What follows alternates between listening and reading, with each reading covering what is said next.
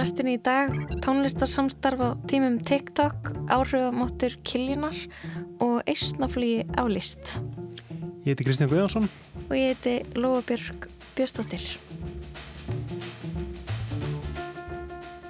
Já, Kiljan, Kristján, þú ert aðeins búin að vera að skoða hana, þessa bókmyndaþætti? Jú, hérna, ég ætla að ræða við Svan Má Snorrason sem hefur velt fyrir sér sjónastættinum Kiljunni og áhrifum hans á Íslandst bókmyndalíf. Þetta eru þetta langlífur þáttur 16 ára gammal að ég held um, og Svanur skrifaði um þessi áhrif Kiljunar á, á bókmyndalífið í rittgerðsinni í bókmyndafræði sem hann um, kynnti mitt á hugvisindaþingi fyrr í mánuðinum þannig að við ætlum að reyna að sökka okkur onni uh, bæði svona markaðsleg en, en kannski líka menningarleg áhrif uh, þessa sjónastáttar.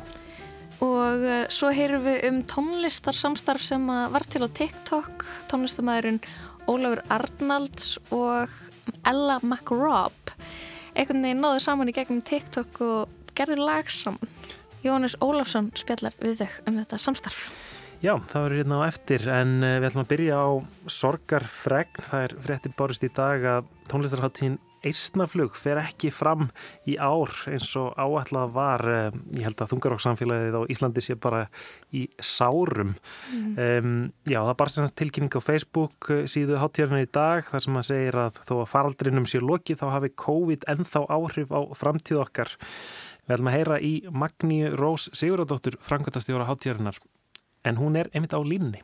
Hvernig kemur til að COVID er ennþá að hafa áhrif uh, á, á tónlistarháttir?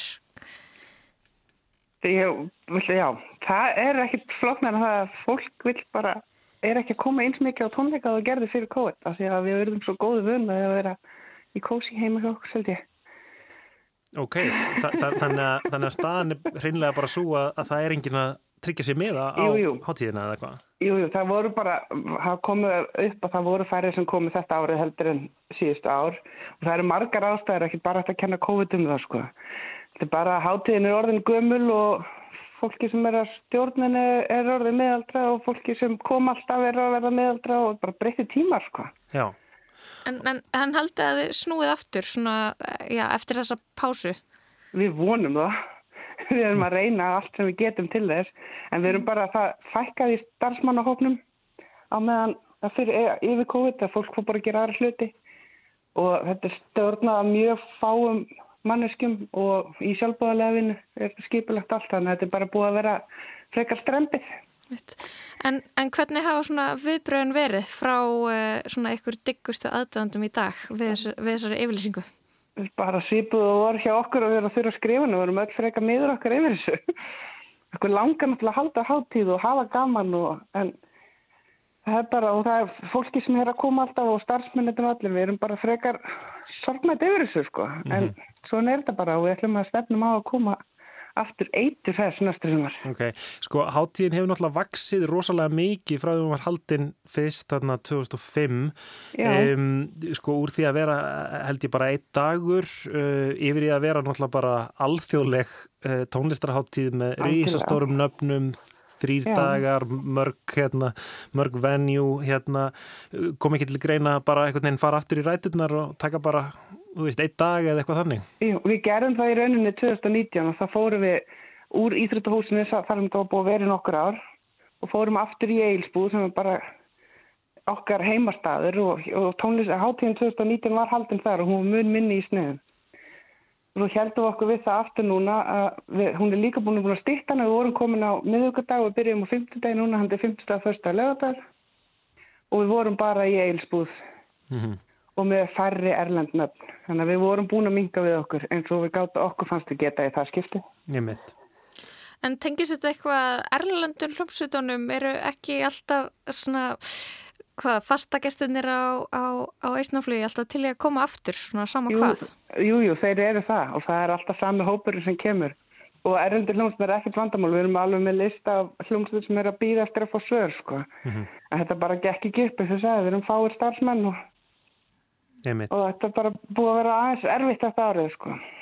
En, en mm. þið ætlið að halda áfram, þið hafi aðeins verið að sko, halda tónleika í bænum í, í Reykjavík og, og, og þið svona, já, lofið að halda því áfram í einhverju mynd allavega.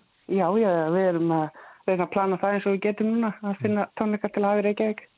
Það er náttúrulega, ég ætla bara að fá að segja, það er ódýrar að halda tónleikarna í Reykjavík að því að við þurfum ekki að flytja hljómsveitundur eins langt. Þannig að það er svona, bara, er þetta bara, þetta er fjármögnunar leið hjá okkur núna, en svo er líka bara gaman að halda tónleika og okkur finnst þetta mjög skemmtilegt þar. Já. Eru fá... eru fáar þungaraksljómsættir fyrir austan? Það er engir heimamenn sem geta gripið upp gripið í sjófarinn?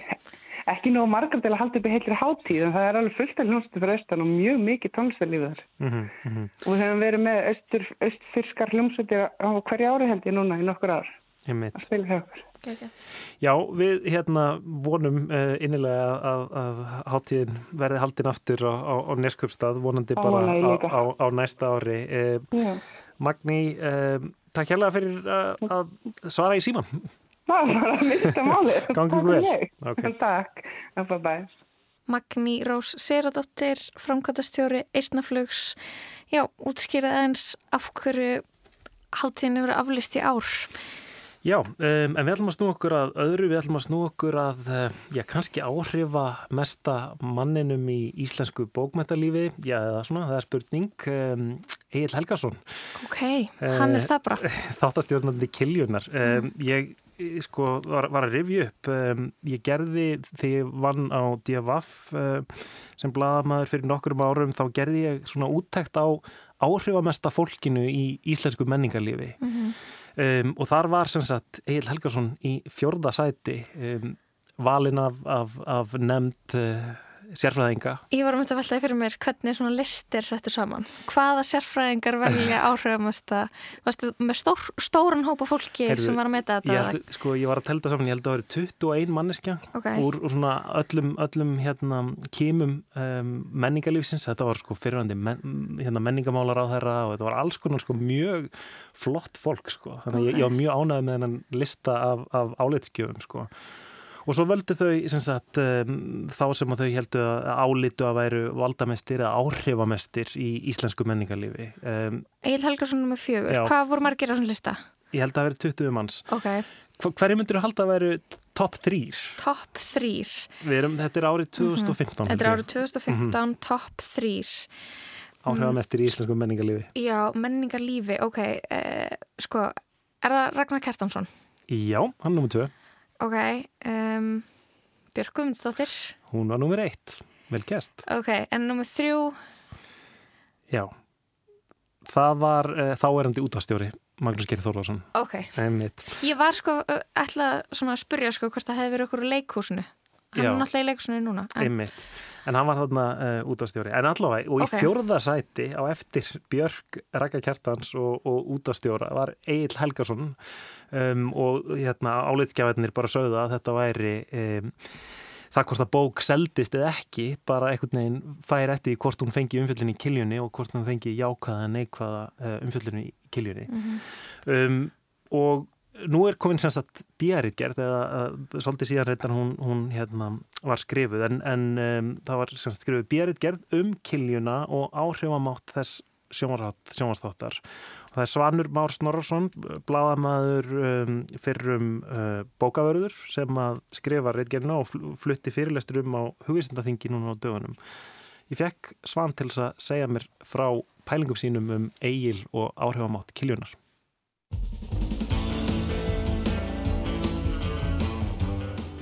Ég heiti Svanur Már Snorarsson og starfa sem bladamæður uh, hjá mannlík.is og er bókmentafræðingur einnig og, og og flutti nýverið fyrirlestur á hugvísindaþengi um, um, um áhrifamátt uh, Egil's Helgasonar og Kiljunar. Gott kvöld og velkomin í Kiljuna. Verðum... Hugmyndin að þessi kom frá, frá góðum vinni mínum, uh, Hjaltarsnæ Ægisinni, doktori í bókmyndafræði. Ég fór eitt kvöldi til hans og var að, að velta fyrir mér uh, verkefnum til þess að klára loksins námið.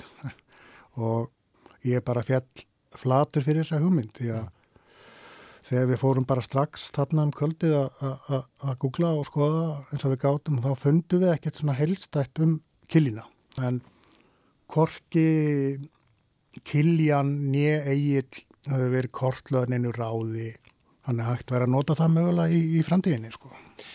sem er náttúrulega mjög aðtilsvært að því að þetta er um, já, einhver svona um, sá póstur í, í, í íslenskri bókmenta umræðu sem hefur verið hvað stöðuastur núna um, hvað hva lengi, Hven, hvenna byrjar Já, fyrsti þáttunum fer í loftið í september 2007 á meðugudöfum og, og, og, og það hefur haldið sér allar götu síðan, þetta eru orðin þá hvað 16 ár og það er sem sagt uh, langlýfasti samfældi menningarþáttur uh, já, þessara stofnunar. Gótt kvöld, hérna fer í loftið fyrsti þáttur af bókmentaþætti þætti um bækur, bókmentir sem hefur hlotið nafnið Kiljan. Þið getið svo lagt þann skilning í þetta orð, þetta litla orð sem að þið viljið. Í fyrsta þættinum eru margir gestir af bókmyndaháttið sem núna er í bænum og svo kemur Bræi Kristjánsson, bóksali, sá litur ekki bóksali til að eiga fastan samastað í þessum þætti. Og það hafa líka Kolbrún Bergþórsdóttir og Pál Baldur Baldursson sem eru svona, hvað maður að segja, álýðskjafar þáttarins. Velkomin. Takk. Það er bókmyndaháttið í bænum. Hvaða gildi hafa svona bókmyndaháttið, Pál? Og það velti því fyrir hér, hvaða gildi þeir hafa? Ég var að vinna uh, sem bókavörður á bókasafni Hafnarferðar og við tókum bara eftir því að, að, að á fymtudögum eftir þáttinn þá var ringt mikið, þá var komið mikið eða pantaði gegnum, gegnum gegni. Það er bækur sem að hlutu náð, skulum við segja, eða aðtikli kilinar og þetta var mjög mikið. Þetta, var, þetta voru ekki, þú veist, fimm manns. Þetta var bara stöðugt verið að ringja og koma og segja hérna áttu bókina sem að hún Kolbrún tala svo vel um í gæðir eða, eða þar fram eftir gödunum sko og, og, og, og ég raun og verið fóru við uh, það voru nokkið starfsmennar sem tóku sér til og horfðu alltaf á þáttin, skrifuðu niður bækunar og voru með þetta tilbúið daginn eftir því að annars hefði bara orðið stundu bara kás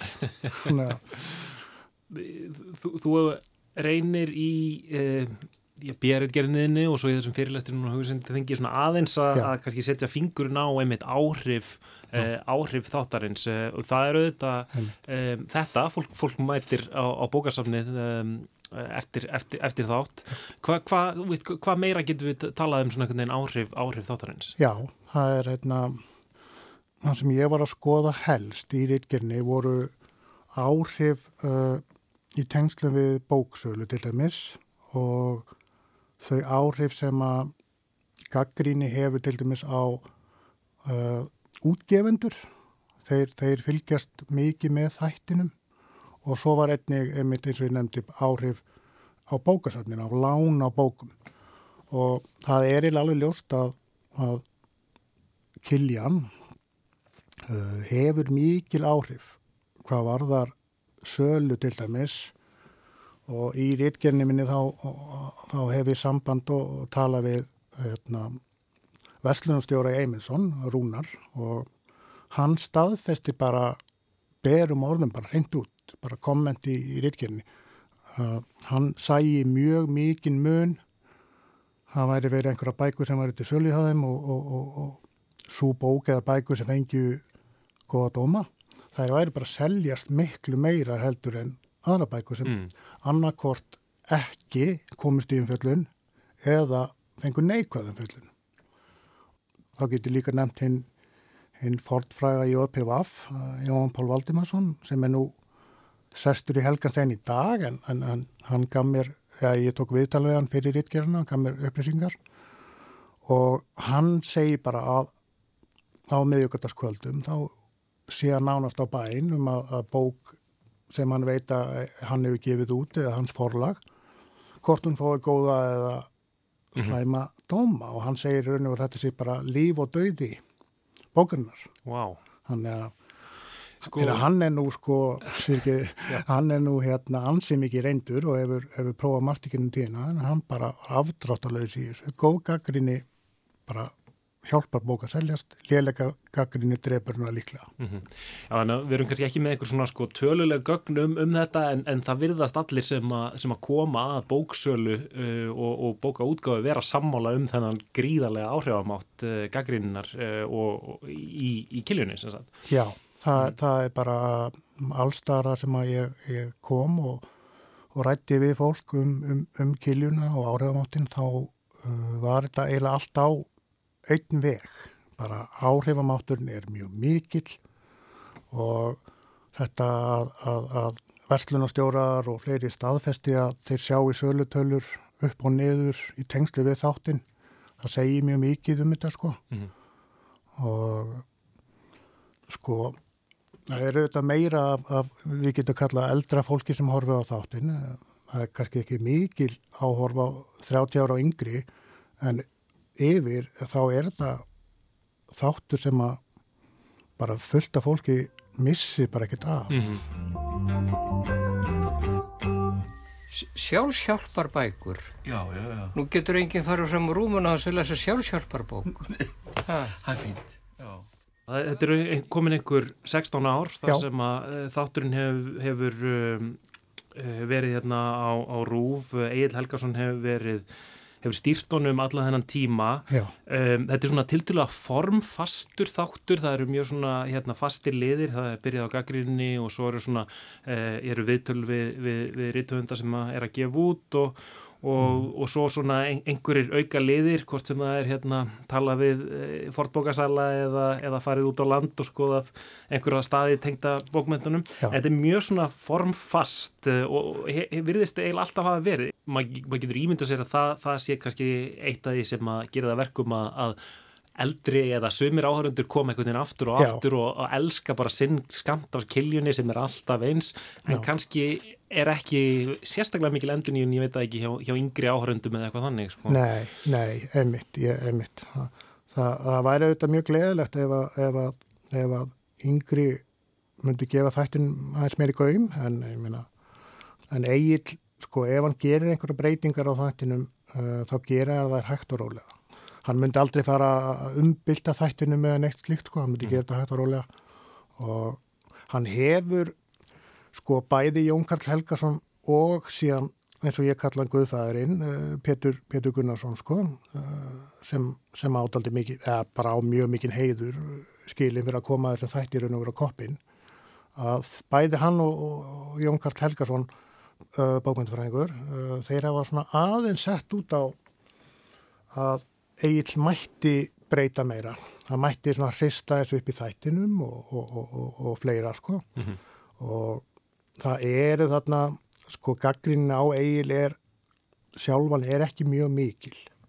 Eh, það er einn og einn sem eru að tala um það að væri kannski sniðut að fá kannski einhvern annan inn með honum stundum eða þá jafnvel að skipta um Karli Brunni en, en það er nú bara sko mjög, mjög, mjög mikill minniluti mm -hmm. af öllum þeim sem ég talaði við og jú, jú, einhverjum fast eil verður honum þreyttur eða eitthvað svona en, en flestir er á því að sem allavega ég rætti við að, að hann væri bara ennþá mm -hmm. í mhm. fullu fjöri sko og, og, og mér fannst ekki vera beint deildar meiningar um að það sé bara eitthvað 50-50 sko, það verður að breyta eða þessi bara við verðum að halda þessu heldur bara í það heila ríkir frekar mikil sátt um þáttinn mm -hmm. þó vissulega séu það er að týna til gaggrinni hérna og þaðan.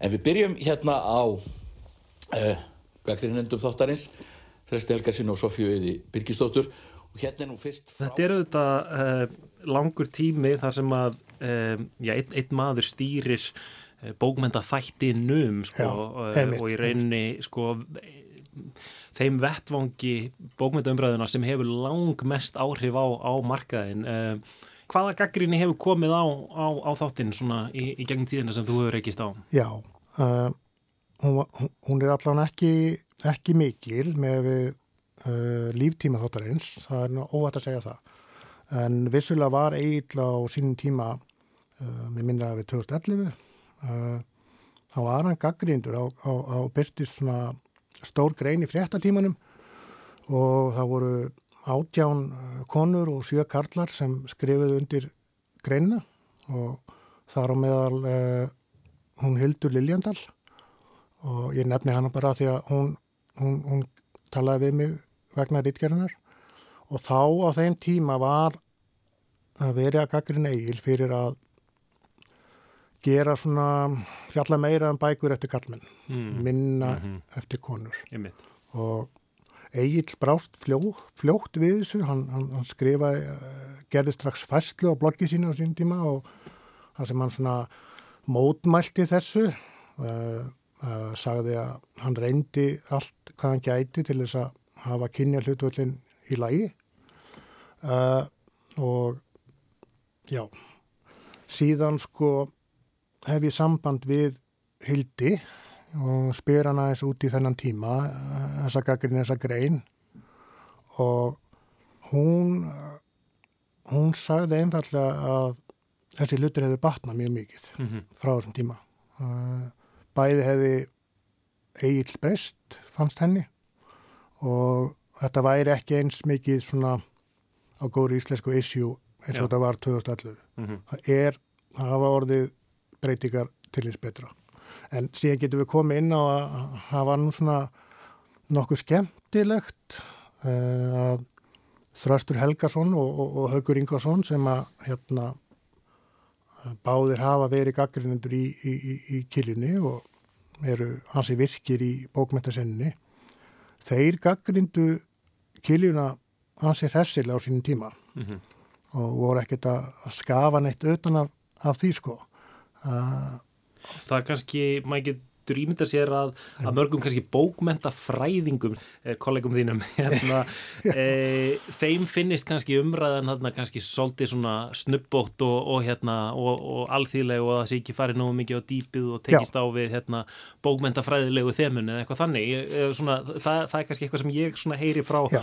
þannig þengjandi fólki. Nákvæmlega kannski nákvæmlega ástæðan af hverju þátturinn er svo vinsæl meðal almennings er eitthvað sem að hérna, fræðingarnir eru ekki alveg nú ánæði með. Já, þetta er mjög góða punktur sko, þetta er mjög góða punktur, uh, já, og það er alveg rétt að, að til dæmis þeir þröstur og aukur uh, gaggrinda eins uh, þáttinn út frá þessum hlutum til dæmis, en síðan gerist það sem að, já, ég er svona að skrifa einu svona smá kapla um þetta í rítkerni að, ekki löngu eftir gaggrina, vissulega eitt ára eða eitthvað slíkt, ég man ekki alveg, að þá eru þeir báðir búið lóðsáðum borð í Gilina okay. þannig að mér, mér þótti þetta alltaf skemmtilegt sko. þeir voru bara komnir aðna og segi mér að Egil er nú ekki hérna, að bera einhverja fílu í sig lengi sko. ekki, ekki hörundsár og aðeins gaggríni á það nei, það finnst ekki vera sko. það er náttúrulega mjög snjált að innvinkla bara hreinlega hérna, gaggrína og, og, og bara kannski viðingavert sko. Mér finnst setni hlutin Uh, ekki, ég segi ekki að þetta renn út í sandin en mér finnst vanta svona kraftin í setni hlutan. Þessi svona alþýðilegi blær sem er aldrei yfir þættinum, uh, ég ætlum ekki að gera svo djarfur að segja að fara í tauganar en það svona verðist pyrra nokkra úr, úr bókmyndafræðinni eða, eða þeim heimi mm -hmm. að þáttunum sé kannski eh, pínulítið yfirbórskendur, það er verið að fara hratt yfir mikið efni og ekki kafað kannski djúft eins og segir eh, þetta er náttúrulega ekkert langur tími sem þessi þáttur er og, og, og kannski eru vinsældir þáttarins emitt mögulega tengdar hversu alþýðlegur mm -hmm. eiginlega bara sem, sem einstaklingur og, og mögulega bara endur speiklar hann sinn personuleika ágjörlega í, í, í, í þessum þætti sko. En kannski umræðan í þáttunum og, og þá kannski á, sérstaklega í þessum gaggríni hluta sem er kannski svona mest einkennandi hluti þáttar eins það sem flestir kannast við og þekkja Já. sko gaggrínin um, sem að er verið ástunda þarna er náttúrulega kannski meira oft eins og einhvers konar bara spjall sem Já. að maður gæti heyrt á kaffistofu eða eitthvað svo leiðist, það er kannski ekki endilega mitt verið að fara hún í einhver bókmyndafræðileg þemu og, og jafnvel ekki endilega verið að sökka sér hún í einhverja svona stórar menningapolítískar e, spurningar eða átök eða siðferðilegar spurningar heldur svona, þetta er meira bara hérna, hvernig fannst þér bókin, hún, hún, hún var skemmtileg og mér fannst hún skemmtileg út af þessu eða leiðileg út af þessu, þetta er svona, svona bara eins og, eins og fólk kannski spjallar um menninga nisluna sína svolítið, svona á eitthvað afslappaðan og, og óformulegan hátt sko. Já, ég held að þetta sé rétt og, og, og já, við getum öruglega bara heyrst svipaður umræður sko í á einhverju góðu kaffehúsi eða út í háskóla torgi eða eitthvað Mhm, skilur já. og, og, og þetta eru þetta þannig að, að það eru þú veist tveir, stundu þrýr að spjalla bara saman um, um, um bók eða bækur og, og fara hratt yfir þetta þetta er, þú getur náttúrulega ekki á einhverjum tíu mínútum farið í mjög djúp, djúpar pælingar um, um, um bók eða bækur uh, þannig að þarna er í raun og veru verið að gefa í sjálfu sér uh, þetta klassíska álit, veist. Líkaði með bókin eða ekki, líkaði bókin, það er bara frábært skilur fyrir þann sem gefur út bókina og er að selja þetta og svona skilur ágætt, jú, jú en ef hún fær slæmadóma þá er hún svona meira og minna grafin nema fyrir þá sem að sækja í að, að ég tók alveg eftir því á, á til dæmis á bókasafsárunum mínum að það var alltaf einn og einn og ég myndi jafnvel segja einn og hvernig tíu sem að leituðu upp í bækuna sem fengur vestudóma það fannst mér alltaf aldrei skemmtilega sko. Það er aldrei svona svipað eins og ég gerir sko. við erum gaman að lesa oft svona eitthvað sem einhver segir að sé alveg hræðilegt Já, sko. já, já. bara að prófa það sko.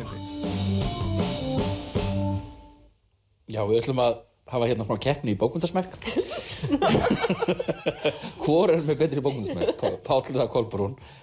Það er einhvern veginn bara eins og já, ekki bara segja almenningur, hann, hann er mjög hrifin af þessu formi að að svona afgreða þetta ansi hratt bara og, og, og jafnvel að henda inn okkur stjörnum eða eitthvað skilur það, það er, fólk er fólk er að líka það mjög vel. Já. þetta er svona, ég ætla ekki að fara að segja þetta sé endilega kannski skyndibita dæmi sko, en þetta er svona nála því. Það er stundum nennir maður gæld og, og fer í aftur taktu eða en þeir sem vilja l- svona lesa lengri og, og, og, og ítalegri dóma eða, eða, eða eitthvað slíkt tengt bókmyndum þá náttúrulega frekar, eins og ég segir, áseitt eða tímiritt máls og menningar eða, eða hitt og þetta. En, en þetta er svona þetta er svona bókmyndalegi skyndibitinn innan gæsalappa. Svanur Már Snorarsson um, bladamaður og, og bókmentafræðingur og, og fyrrum bókavörður. Um, takk fyrir að segja mér frá hérna rannsókninni á, á þessari stopnun í íslensku bókmentalífi sem er Kiljan og Egil Helgarsson takk fyrir komin í lestina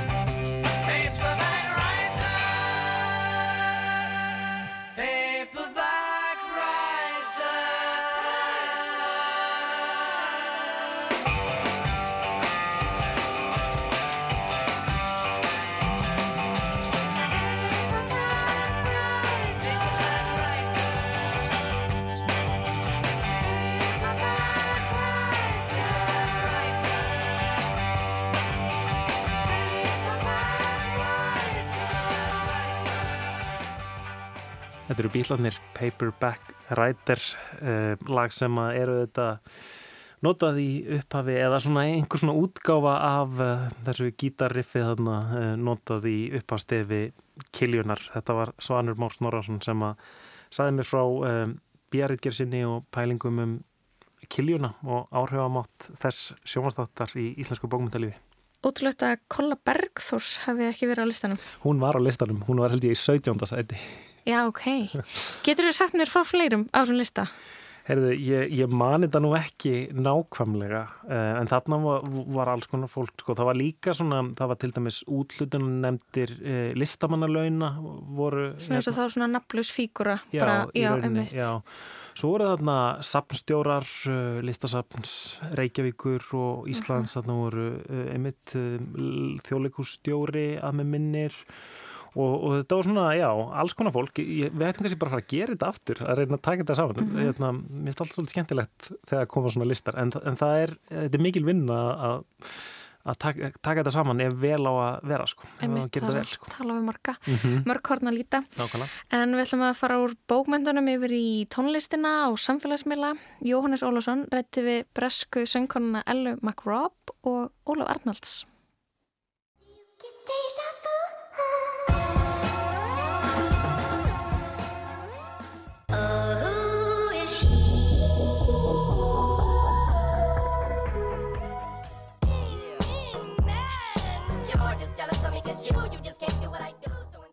Tónlist á miðlum á borðið TikTok fer eins og eldur í sinu, verður væral, flýgur milli ólíkra myndbanda í allskynns ólíku samhengi eða engu samhengi og eldir skuggan af sjálfri sér. Lítið stef eftir tónlistamannin Ólaf Arnalds fór í gegnum þessa hræri vel samfélagsmiðla á dögunum, varð að stefi undir hafsjó af myndböndum, af ketti í peysu, mannesku að búa til glerlist og óteljandi fallegum sólsetrum. Myndbandið sem byrt var í lok síðasta árs síndi Óla við píanóið í stórum tónleikasal í hljóðpröfu fyrir tónleika. Ólafur leikur á píanóið, laglínu sem flæðir í rólegum takti og undir myndbandinu stendur Those five minutes until the sound engineer says I'm good. Þessar fimm mínútur þangu til að hljóðmaðurinn segist vera ánæður. Og það hljómar einhvern veginn svona.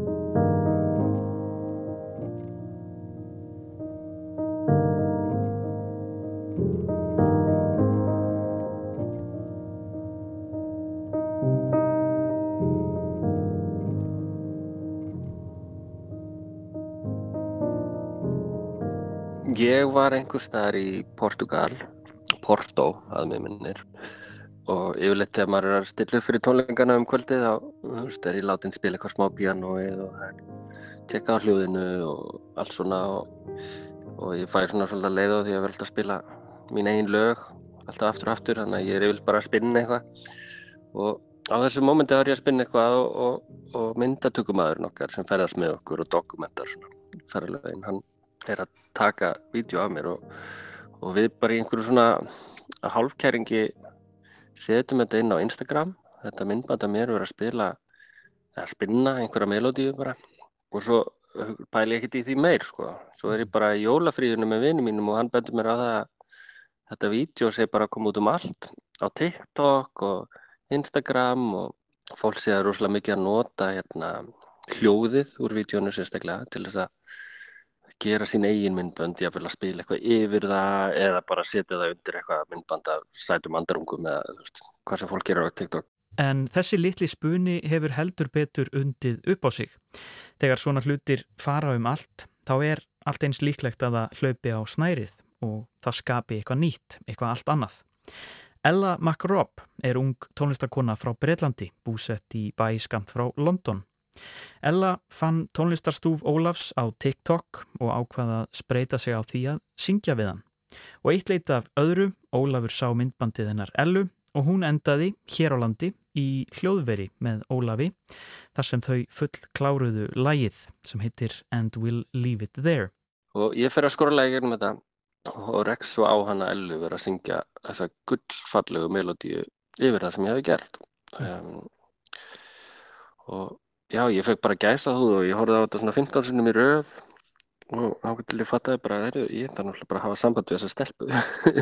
þetta er eitthvað alveg einstakt, uh, einstakt tækifæri og, og já, þannig að þannig, þannig byrjar þetta einhvern veginn en ég held að flest mín músík hefst akkurat þarna sko. þeir eru að þeir eru að ferðast og eru að spila og maður fær einhvern veginn svona moment í tómum sál með fallegt píano og góðum hljómburð og, þú veist það er eitthvað svo fallegt moment sem maður getur átt einn með hljóðfærinu sínu það, svona flestar melodýr kannski á síðustu blöti hjá mér koma úr akkurat þessu umhverfi sko. þannig að þetta er svona alveg reglulegt hjá mér sko. en, en ég er, eins og ég segi, ég er ekki endilega að taka það upp á vídeo og setja hálf klárað á internetið sko.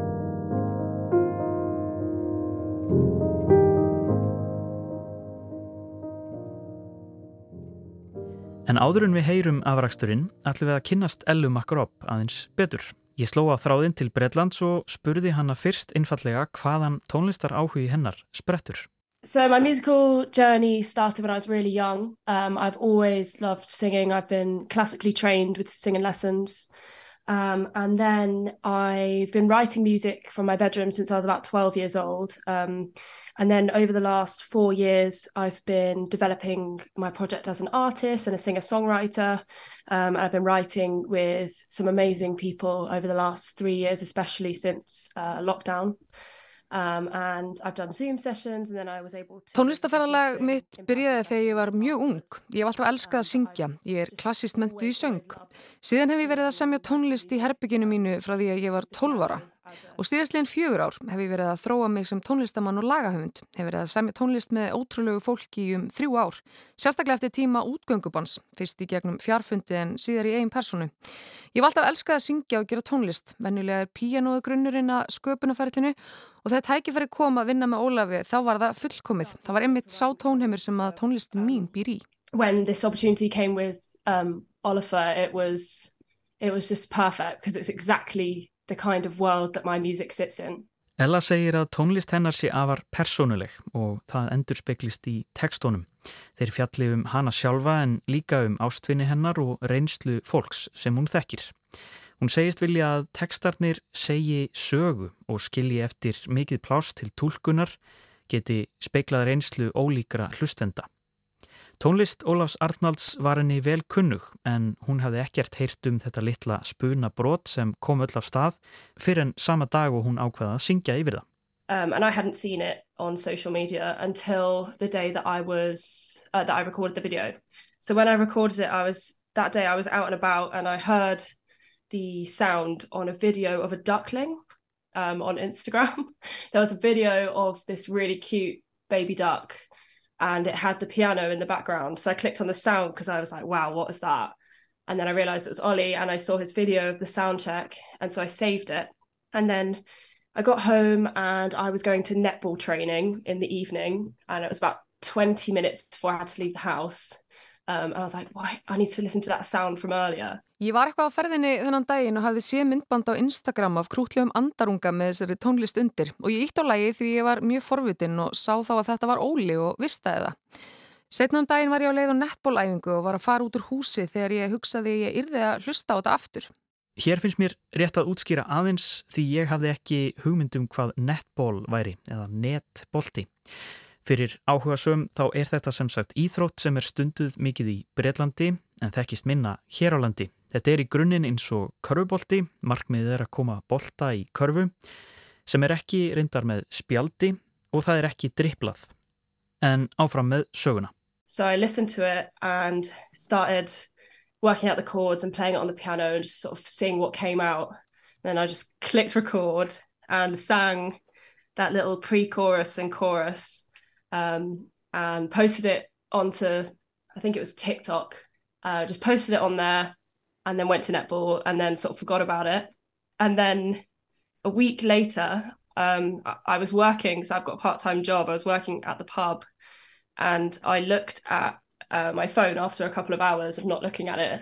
And I had like 20 messages on my Instagram DMs and on all of my social media. People ég hlusta á lægi og spilaði þetta á píanóðu og söng laglínu. Svo ítti ég bara upptöku og postaði á netið og fór á æfingu. Viku setna var ég í vinnunni og kíkt á síman og þá voru týjir skilabóðum og Óli væri að reyna að ná í mig. Þá hafði hann sett þetta í Instagram story og vildi vinna með mér. Og allt eftir það gerðist mjög hratt og ég var svo leðinni til Íslands að taka upp. Super fast how it all progressed and how the journey of going to Iceland and getting the song recorded and written and everything like that. It was a whirlwind. Settle down, don't say a word. It's all been said before.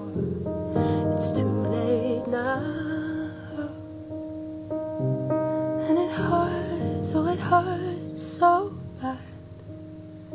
And I know that I don't deserve that. Mm. Ella segist hafa hrifist af þessari melodíu strax og skildi ekki af hverju þetta var ekki lag nú þegar. Það að lagið hafi verið spunnið af fingrum fram hafi líka verið innblástur og hún hafi samið laglínu og texta í einhvers konar spuna. Markmiðið þegar Ella og Ólafur fór að vinna nánar í laginu hafi verið að fanga þetta óvænta, þennan spuna. Tveimur vikum eftir að hún postaði myndbandinu var Ella svo komin til Íslands í hljóðverið til Óla og þau tóku lagið full klárað upp með strengjum. Það sem gerir þetta allt saman mögulegt, þessa hálgerðu öskubusku sögu af kynnum tveggja tónlistamanna, er auðvitað samfélagsmiðlar. En eins og svo margt í þeim heimi er ímislegt gaggríni verðt, áhrif þeirra á tónlistabransan og tónlistarsköpun. Social media is definitely a, a really impactful tool that can be used to find your audience um, or to network um, and meet other musicians and things like that. I do think it's become it's become the music industry. It's become a, a massive part of it, and there's a lot of people that are posting on there and creating success for themselves, which is amazing. Um, but it is it is hard to try and keep things real. I think with social media, I think it's it's easy to just hide behind something or hide behind a filter or um, you know create this image of yourself that is uh, exaggerated with social media. And I think for mm. me, I like I'd like to come across on social media as as natural and authentic as possible, and I think that's really important um, mm. to try and do. Samfélagsmiðlar eru klárlega öflugt tól til þess að tengjast hlustendum og öðrum tónlistamönnum. Mér finnst þetta að vera orðið hluti af tónlistar yðnaðunum og sé í raun sjálfur yðnaðurinn. Fullt af fólk er að koma sinni tónlist á framfæri með þessum leiðum en það er erfitt að halda hlutunum raunverulegum. Það er auðvelt að fela sig á bakvið filter eða skapa íkta ímynd af sjálfum þér og mér finnst mikilvægt að koma fram og sinna það svo einlagan og heiðarlegan hátt. TikTok áhrifin á, á tónlistabransan að mínum að þetta eru, eru ekki góð sko. Það er stanslust verið elda einhverja gullrút, sko, það verið elda eitthvað eitthvað væral hitt eða eitthvað svona sem, sem nærðir í hérna, miljón Spotify hlustanir á einni viku en svo gleyma þær allir í næstu viku. Það er, svona, það er, það er allir í einhverju svona í einhverju kappi sko. mm -hmm. og, og það það skapar rosalega mikið tilgerð, tilgerð og, og rosalega mikið hlutum sem eru að mér finnst allavega bara ekki alveg heiðarlegir einhvern veginn í, í, svona, í meiningu sinni sko. en samt sem aður þegar þú hittir niður á eitthvað alvöru, eitthvað hrátt eitthvað með alvöru tilgang með alvöru meiningu þá og fattar það strax þegar þú sér það myndband í hafsjónum og öllum hinnum myndbandum, það er munur. Það er munur á hvernig þið líður þegar þú horfir á það. Og það er einhvern veginn alltaf það er ekkert sem er meira gefandi eða meira svona rewarding heldur en það þegar þú uppgötar eitthvað. Þegar þú uppgötar einhvern ósnertan hæfileika bara, vá, er, þú veist, ég er svo fyrst sem uppgötar þessa mannesku það er, það er svo ótrúlega tilfinning einhvern veginn að finna, finna eitthvað svona rátt, svona ráa hæfileika sem er ekki mhm. búið að slípa í stúdíu eða einhverju stóru úrgáfi fyrirtæki bara og dettu niður á þetta og, og samfélagsmiðlar í dag er, er geta að gefa okkur þessi móment en kannski til þess að finna þessi móment þá þarf þetta að fara í gegnum 99% af einhverju drasli sko. mm. það er svona, við, við erum ennþá kannski aðeins að finna okkur í þessu um, það er bara svo mikið efni auðvitað er flestaði ekkert inspírarandi eins og þegar ég var að skróla í gegnum þessi myndbönd með þessu fólk var að búa, búa að nota þessa melodi í einhverjum myndböndum. Ég, skról, veist, ég sá Instagram að það voru 77.000 manns búin að setja þetta í eitthvað myndband hjá sér.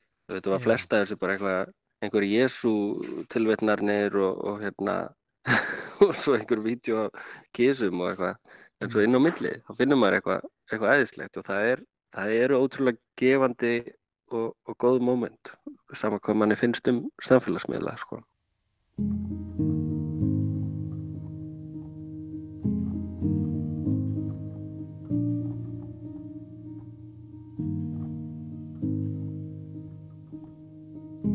Settle down, don't say a word. It's all been said before. It's too late now. There's a weight upon my chest that wasn't there before. It lives here now.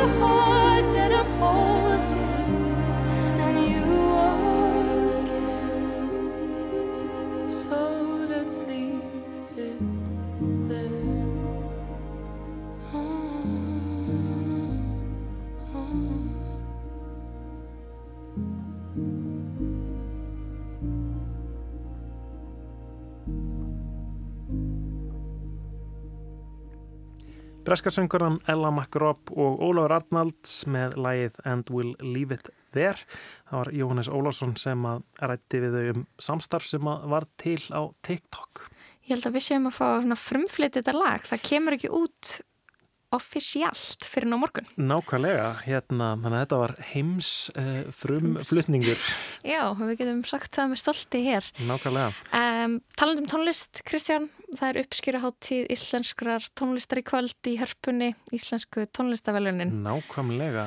Það er alltaf mikið um dýrið þegar uh, svo háttíð fer fram. Um, Lóa, þú hefur fengið að vera í dómnefndinni, eða ekki? Herru, jú, það passar.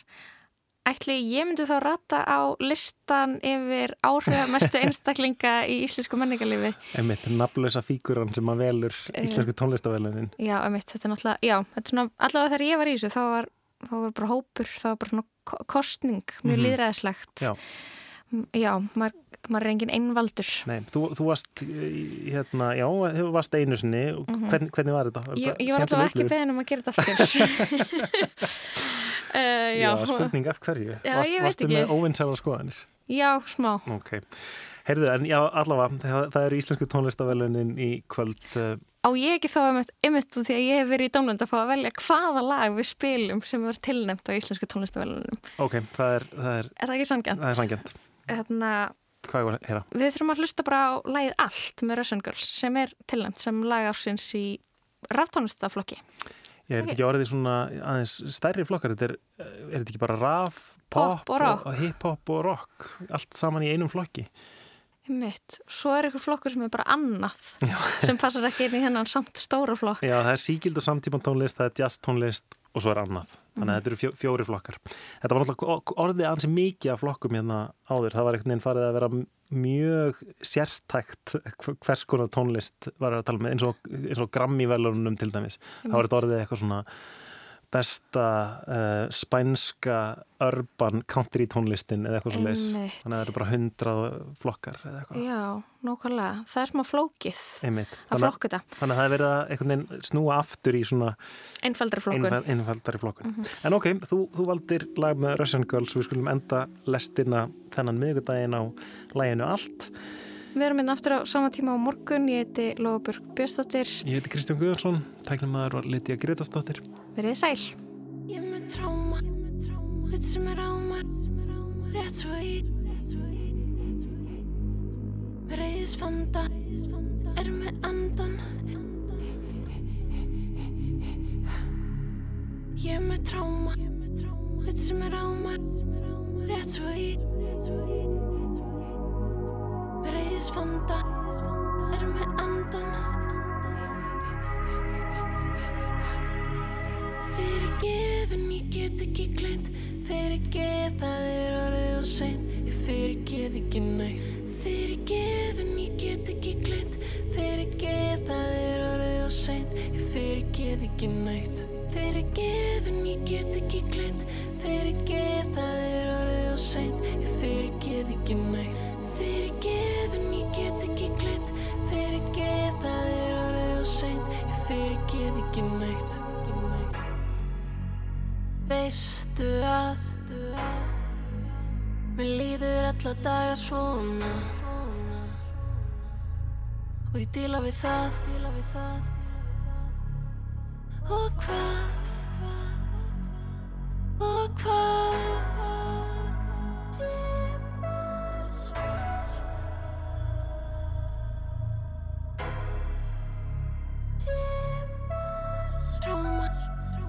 sem er á mér Rétt svo í. Með reyðisfanda Er með andan Fyrir gefin ég get ekki gleynd Fyrir geð það er orðið og seint. Ég fyrir gef ekki nætt Fyrir gefin ég get ekki gleynd Fyrir geð það er orðið og seint. Ég fyrir gef ekki nætt